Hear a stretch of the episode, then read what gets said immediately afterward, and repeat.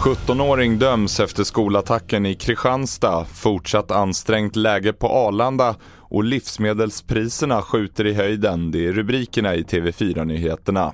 Idag föll domen mot den 17-årige pojke som i januari i år knivattackerade flera elever och lärare på en skola i Kristianstad. Pojken döms till tre års sluten ungdomsvård för tre fall av försök till mord och två fall av olaga hot. Vi hör vår reporter Gustav Röriksson på plats vid tingsrätten i Kristianstad. Saken är ju den att hade den här eh, ungdomen varit äldre än 18 år så hade han ju dömts till ett betydligt längre fängelsestraff. Då hade yrkan, då hade ju åklagaren yrkat på 18 års fängelse istället för då de här tre åren i sluten ungdomsvård. Mer om det här på tv4.se. Köerna och trängseln på Arlanda fortsätter.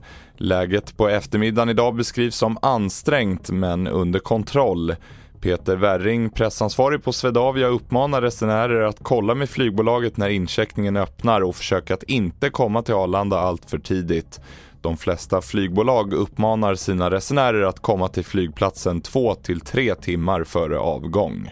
Så till att livsmedelspriserna fortsätter att skena. Kaffepriset har stigit 40% kycklingen är upp över 25% och ost och mejerivaror har blivit 10-15% dyrare på ett år.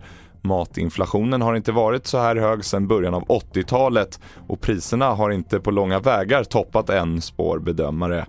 Samtidigt presenterades inflationssiffran för maj tidigare idag och den steg med 7,2% vilket är den högst uppmätta nivån sedan 1991.